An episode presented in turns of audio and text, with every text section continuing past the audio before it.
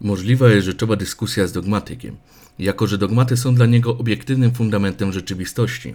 Możliwa jest rzeczowa dyskusja z romantykiem, jako że poprzez natężenie uczuć pragnie on przebić zasłonę nierzeczywistości i sięgnąć do źródła. Możliwa jest rzeczowa dyskusja z relatywistą, je- jeśli tylko zdemaskuje się go jako cynicznego pragmatyka, gotowego zawsze wyciskać z rzeczywistości osobisty zysk. Możliwa jest nawet rzeczowa dyskusja z tak zwanym postmodernistą, jeśli tylko uświadomi mu się arogancję jego sofistyki, obliczoną na czerpanie samochwalczej satysfakcji z tego, że przekonało się innych do zastąpienia rzeczywistości nierzeczywistością. Niemożliwa jest dopiero rzeczowa dyskusja z infantylistą, czyli kimś, dla kogo kategoria rzeczywistości jest immanentnie zbyt poważna i wymagająca, a więc zbyt grożąca zachwianiem jego dążności do trwania w stanie permanentnego miałkiego samozadowolenia.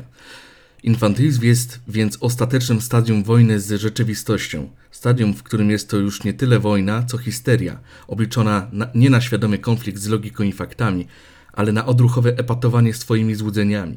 W dodatku jest to zjawisko samo napędzające się, bo każda konfrontacja infantylisty z rzeczywistością wzmaga w nim jedynie jego histeryczne odruchy.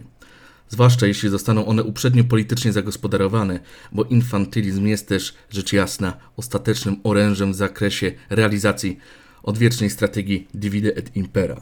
Zatem, jako że historia się nie powtarza, a nawet słabo rymuje, dominacja infantylizmu jako domyślnego życiowego nastawienia sprawia, że wszelkie dalsze prognozy zderzają się z historycznym horyzontem zdarzeń. To natomiast, czy to dobrze, czy źle, i co z tym ewentualnie zrobić, to już nie pytanie psychologiczne, socjologiczne, antropologiczne, czy nawet filozoficzne, ale już wyłącznie eschatologiczne.